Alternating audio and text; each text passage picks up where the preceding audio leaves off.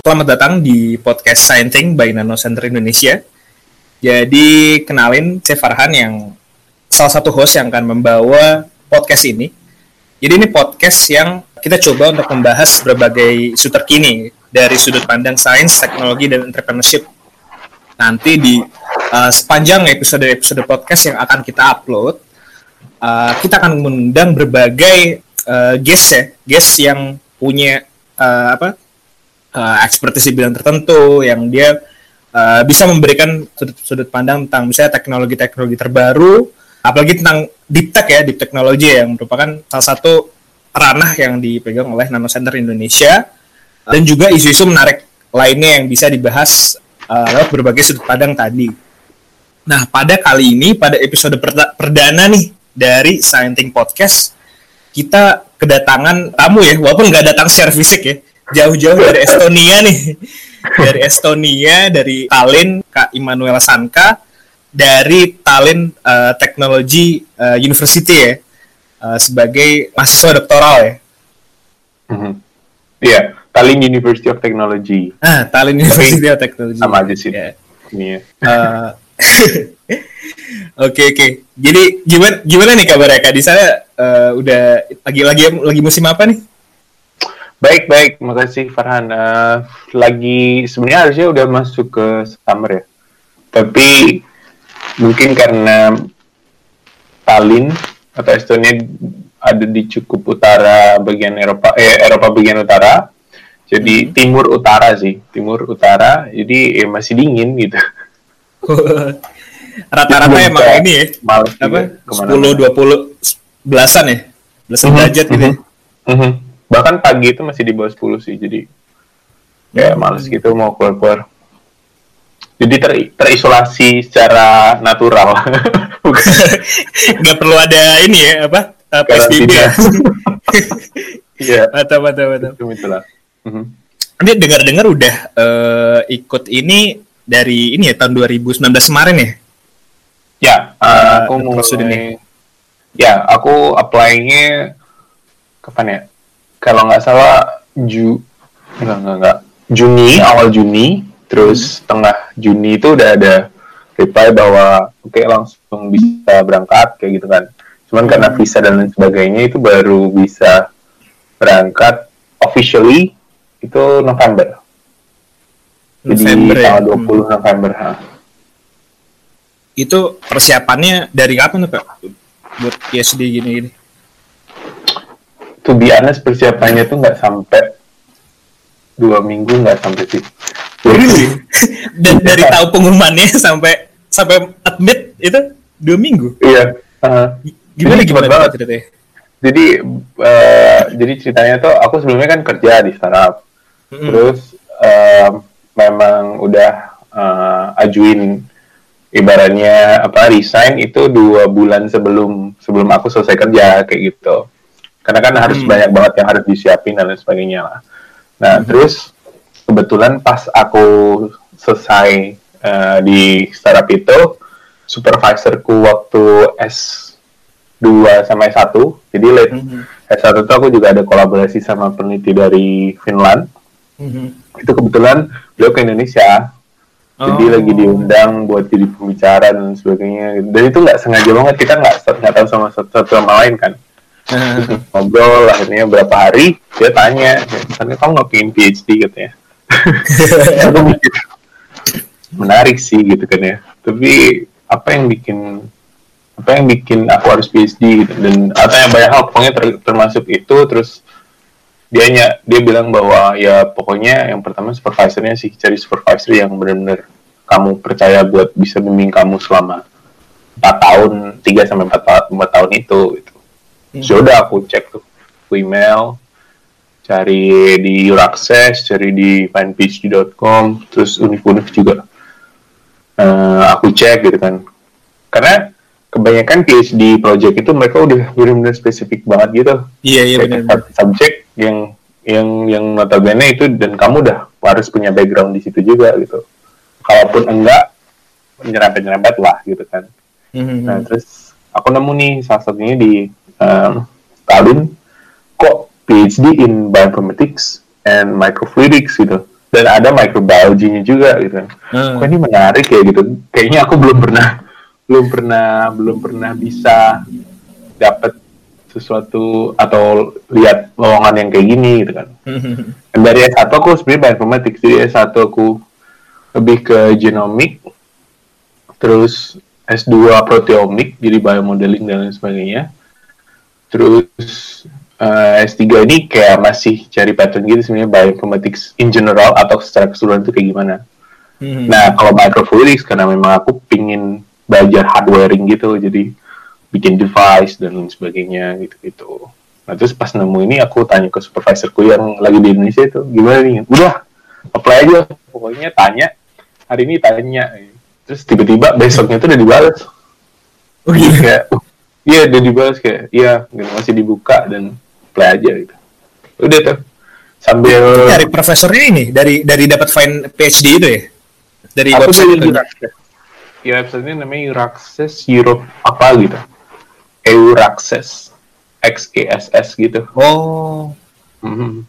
Eur Access ya rata-rata memang di Eropa sih itu itu semua di yang ada di Eropa sih lowongan peneliti PhD dan lain sebagainya itu karena kayak udah cocok gitu sih uh, ritme kerja terus uh, apa namanya cara belajar mm-hmm. kurikulum dan sebagainya itu udah udah oke okay lah maksudnya sejak 2015 kan aku riset juga sama peneliti di Eropa jadi tahu pace kerjanya gitu. Ini carinya di Eropa. Man.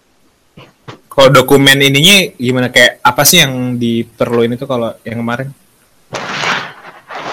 jujur aku cuman submit pakai motivation letter hmm? dan CV jadi aku nggak pakai proposal sama sekali ya ya dan waktu aku tanya juga dia bilang kayak ya pokoknya yang mandatory dua itu ya udah aku submit dua itu aja hmm. terus dalam tiga hari dibalesin kayak iya nanti kita kalau oke okay, kamu kita interview gitu tapi memang kalau di situ hmm. butuh master's degree atau gimana tetap Hmm, i, kalau di requirementnya iya.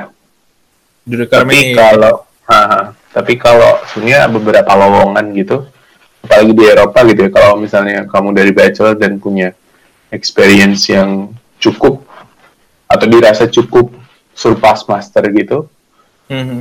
uh, itu juga bisa sih. Karena kan pasti dibandingin ya kandidat satu sama kandidat yang lain ya. Mm-hmm. Nggak cuman kayak personal, oh ini satu oke, okay. tapi kalau ada yang lain yang sama oke-nya gitu kan tapi dia udah master gitu mungkin dia bakal ambil yang masternya juga dengar-dengar kan ini kan kalau yang daftar PhD itu sebenarnya kayak daftar uh, kerja gitu nggak sih kak jadi kayak lowong uh, sebenarnya itu adalah kayak lowongan job yang di, hmm. di apa di post sama si PI-nya gitu itu benar benar terus dapat stipennya berapa yes, gitu kayak? Benar-benar banget. Yes benar banget. Jadi di sini tuh lebih ke kerja gitu ya.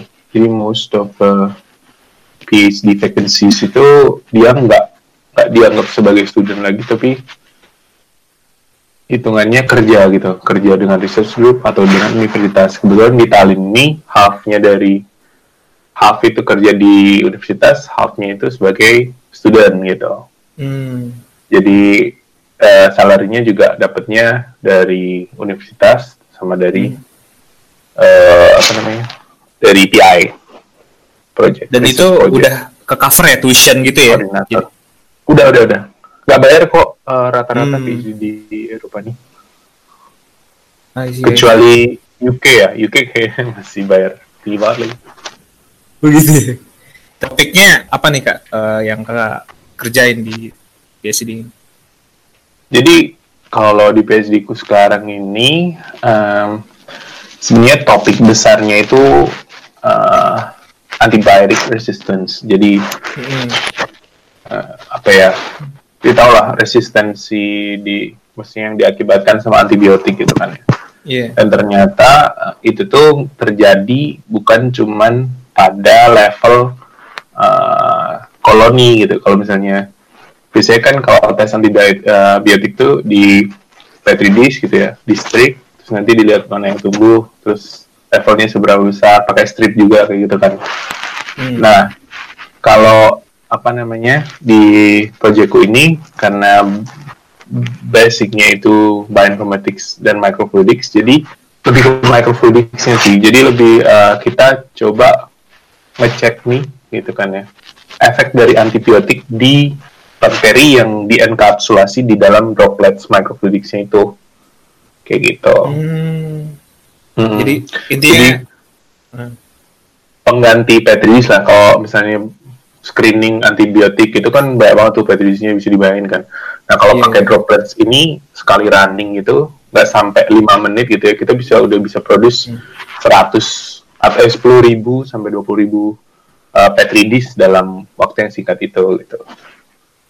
Nah di situ untuk analisisnya baru masuk uh, bioinformaticsnya. Uh, karena itu datanya banyak banget kan ya? Iya. Iya sih, nggak mungkin hitung satu-satu gitu, nggak mungkin. Eh. BTW kenapa tertarik sama ini kak, topik ini kak? Kalau misalnya uh, ada ada kayak backgroundnya gitu yang ini tuh penting ini topik-topik ini tuh is a pressing problem. Iya, yeah, yeah. kalau sebenarnya in general ya, uh, klise banget aku bilang bahwa antibiotic resistance itu uh, problem yang ada di dunia ini gitu dan itu hmm. sebenarnya udah udah udah semua orang udah pasti tahu kayak gitu tapi seberapa dalam sih gitu kan hmm. nah ketika aku cek uh, paper dari calon supervisorku waktu itu ternyata itu tuh udah dalam subpopulasi jadi ketika ada satu spesies yang sama atau satu koloni yang sama gitu kan ya kalau dia dipecah dalam populasi yang lebih kecil lagi gitu tingkat resistensinya beda-beda kayak gitu hmm. nah itu menarik banget karena um, pedagogikalnya udah sedalam itu kan dan aku tuh hmm waktu sejak S1 tuh emang suka banget sama bioinformatics. Makanya skripsiku sampai akhirnya bisa ke bioinformatics itu juga karena jarang banget kan di biologi UGM waktu hmm. itu uh, arahnya ke sana gitu dan waktu dikasih kesempatan buat studi itu dan dibolehin gitu kan dari situ tuh mau cari bahwa range atau spektrum bioinformatics itu seberapa luas sih ada yang ke genomik, proteomik, terus uh, biomodeling gitu kan ya. Mm-hmm. Terus banyak banget sampai ada yang nemu sekarang uh, image processing gitu kan, bio bio analysis, uh, bio image analysis gitu. Dan itu tuh jadi jadi jadi puas gitu loh belajar. Informatik itu kayak oh ternyata range-nya memang memang luas banget. Nah, sekarang ada yang bilang kayak bioinformatics itu bisa dari data scientist atau bisa dari mana-mana. Sebenarnya iya bisa. Tapi pedagogikalnya dirunut lagi apakah dia bisa sedalam itu analisisnya hmm. atau enggak kayak gitu kan.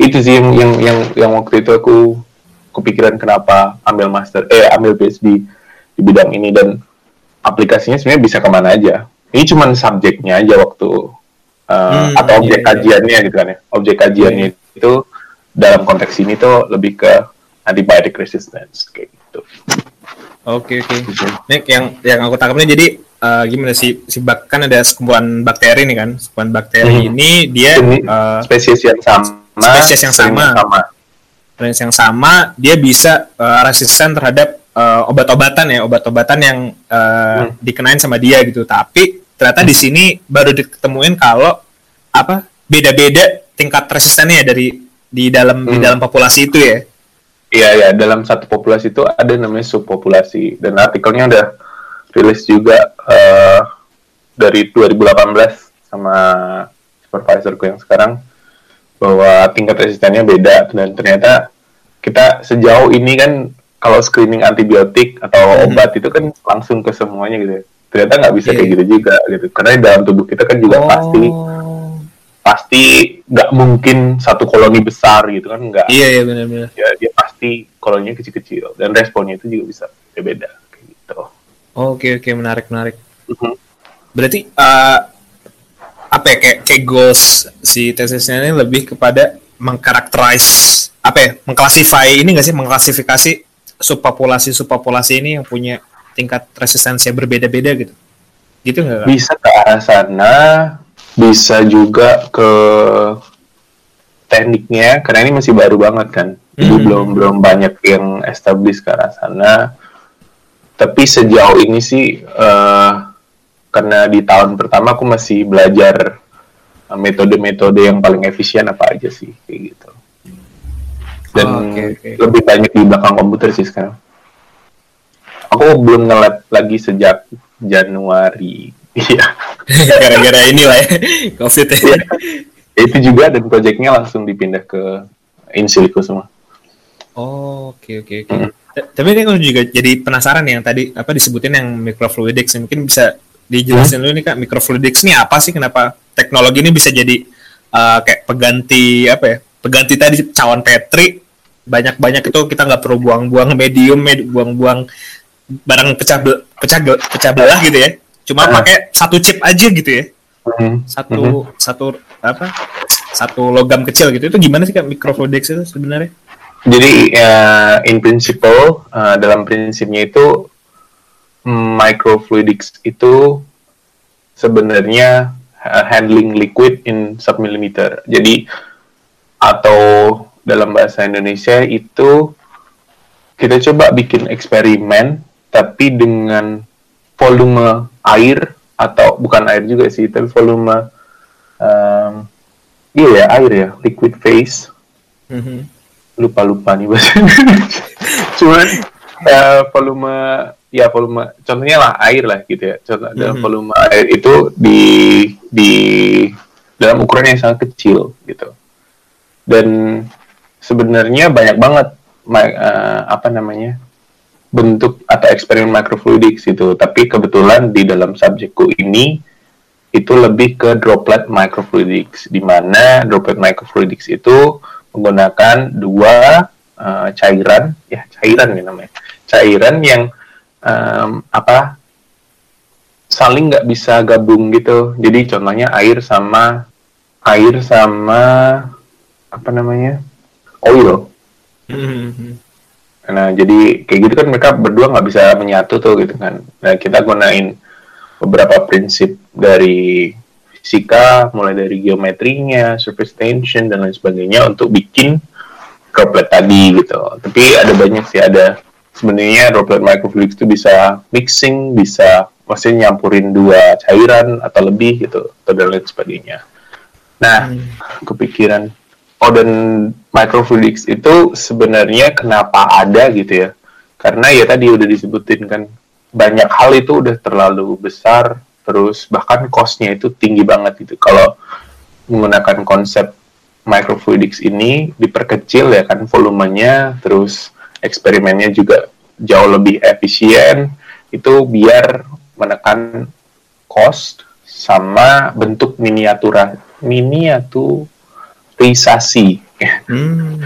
Jadi jadi juga banyak banget nanti hubungannya bisa ke uh, misalnya lab on a chip. Jadi misalnya kalau pernah dengar microfluidics device itu untuk uh, kayak PCR gitu kan ya. Mulai dari hmm. ekstraksinya sampai nanti dia amplifikasi atau perbanyakan materi genetiknya itu di dalam satu chip aja gitu.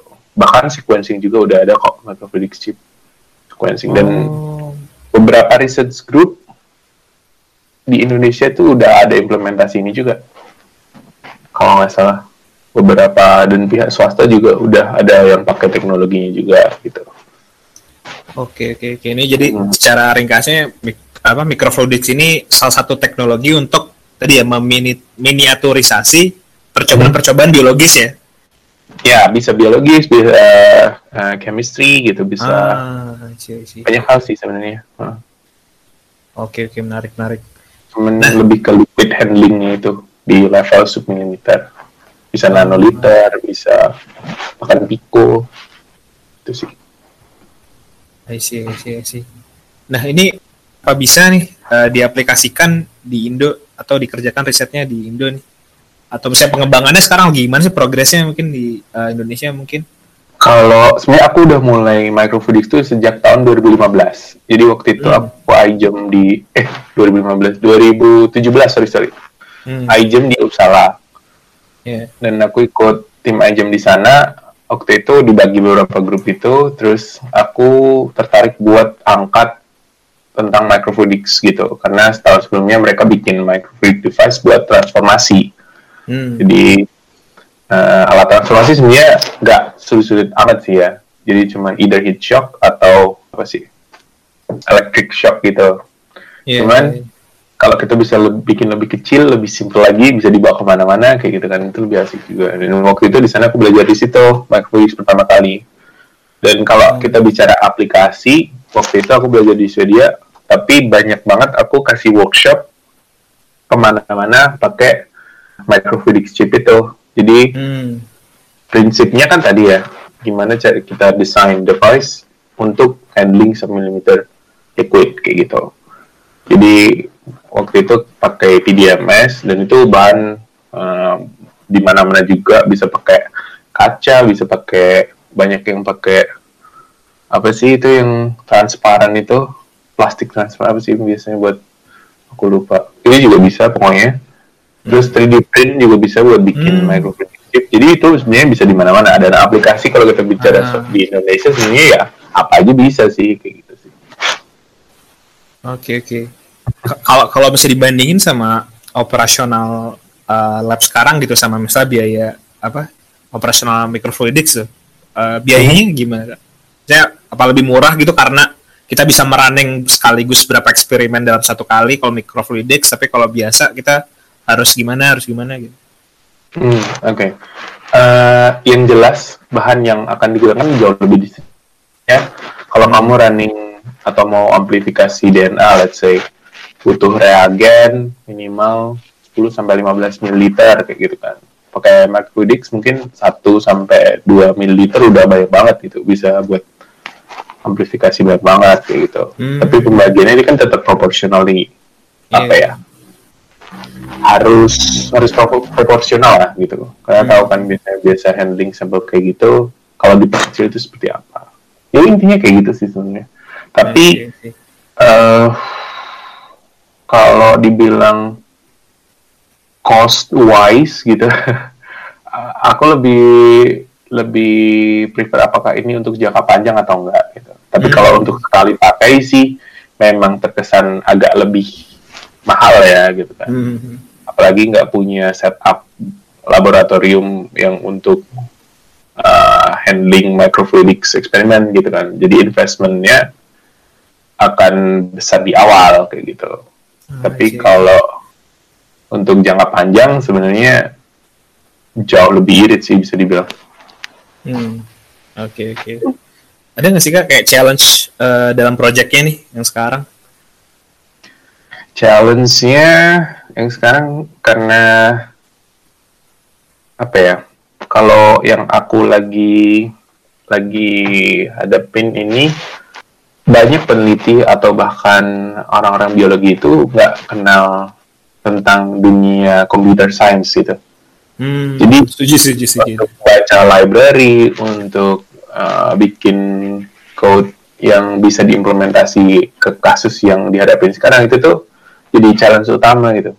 Nah ketika ada udah bisa tuh udah udah udah bisa tuh uh, apa namanya programnya jalan gitu challenge yang kedua muncul apakah ini bisa dipakai orang lain nggak sih gitu hmm. ketika ketika kita implementasi kayak gini gitu kan atau ketika pakai cara metode ini gitu karena kan sebenarnya di dunia riset itu yang penting bukan hanya penemuannya bukan hanya discovery-nya tapi reproducibility-nya ya nggak sih jadi kayak apakah orang lain bisa pakai gitu kan tadi ada pertanyaan apakah di Indonesia bisa diimplementasi gitu nah itu sih itu yang mengakomodasi hmm. itu yang ada challenging sebenarnya.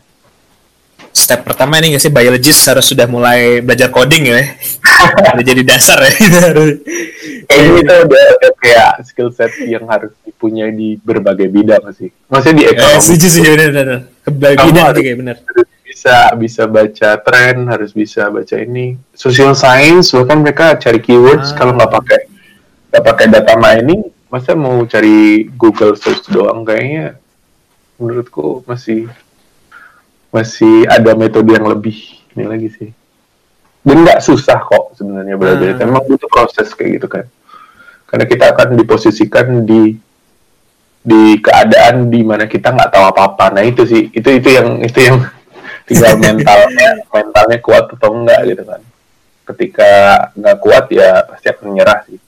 Cuman kalau misalnya bisa pasti nanti akan apa ya ya learning curve-nya kan uh, logaritmik ya bisa dibilang ya.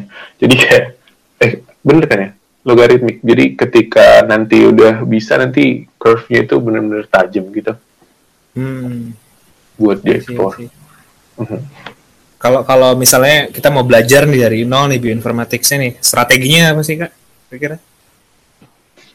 Kalau pokoknya bioinformatics itu bukan terus ngerjain sesuatu di hanya ngerjain sesuatu di belakang komputer nggak ya.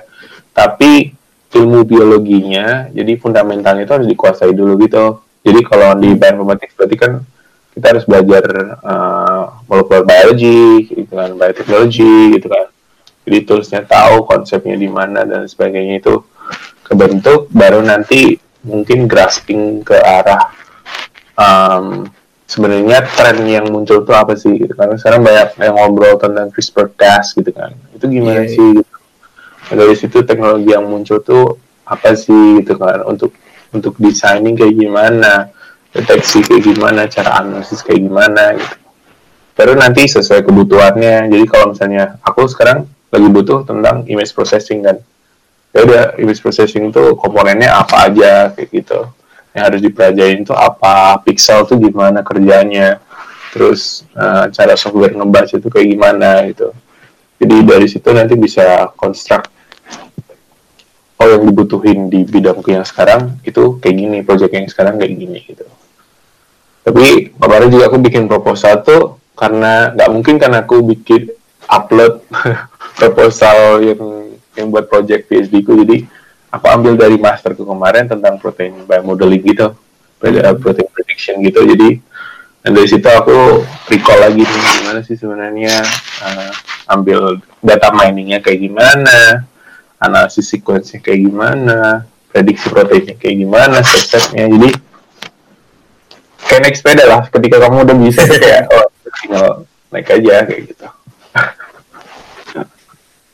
oke oke okay, okay.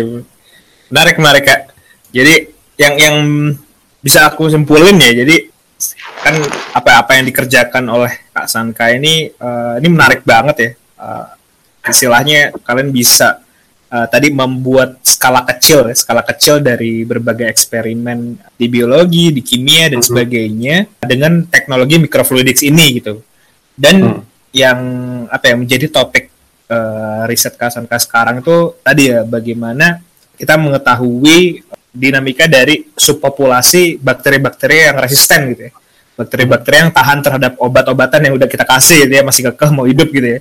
Itu uh, menurut saya pribadi juga penting banget sih kan sekarang uh, obat-obatan udah banyak antibiotik juga kadang pasiennya juga apa ya agak bebal gitu ya harusnya diminta dihabisin gitu obatnya kan tapi biasanya nggak habis. Itu yang nanti muncul bakteri resisten baru nggak bisa sembuh lagi orangnya gitu. Kan itu kan jadi susah gitu. Dan ini future-nya uh, sangat cerah banget ya. Karena tadi kan ini bisa menghemat cost juga. Kita bisa jadi running berbagai eksperimen dalam sekali jalan. Dan uh, menurutku ini bisa banget sih di apa di aplikasi di Indonesia gitu ya.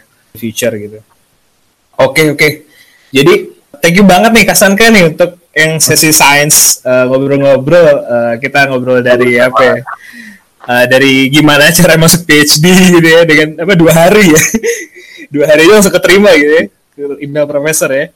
Terus minggu lah konfirmasi ya Inter interview uh, kan dua hari submit terus interview. Uh, interview. Kami depannya interview gitu kan. Terus berapa uh, hari kemudian sudah ada ini sih announcement ada pengumumannya iya dari bisa bisa dicoba tuh ya tadi ya apa uh, metode uh, apa cara nyarinya tadi ke apa Euro apa tadi lewat apa Euro, Euro ke Eropa Euraccess ya, euraccess.com kalau ke, mau nyari jobs-jobs PhD atau uh, lowongan buat pendidikan doktoral di Eropa gitu kan.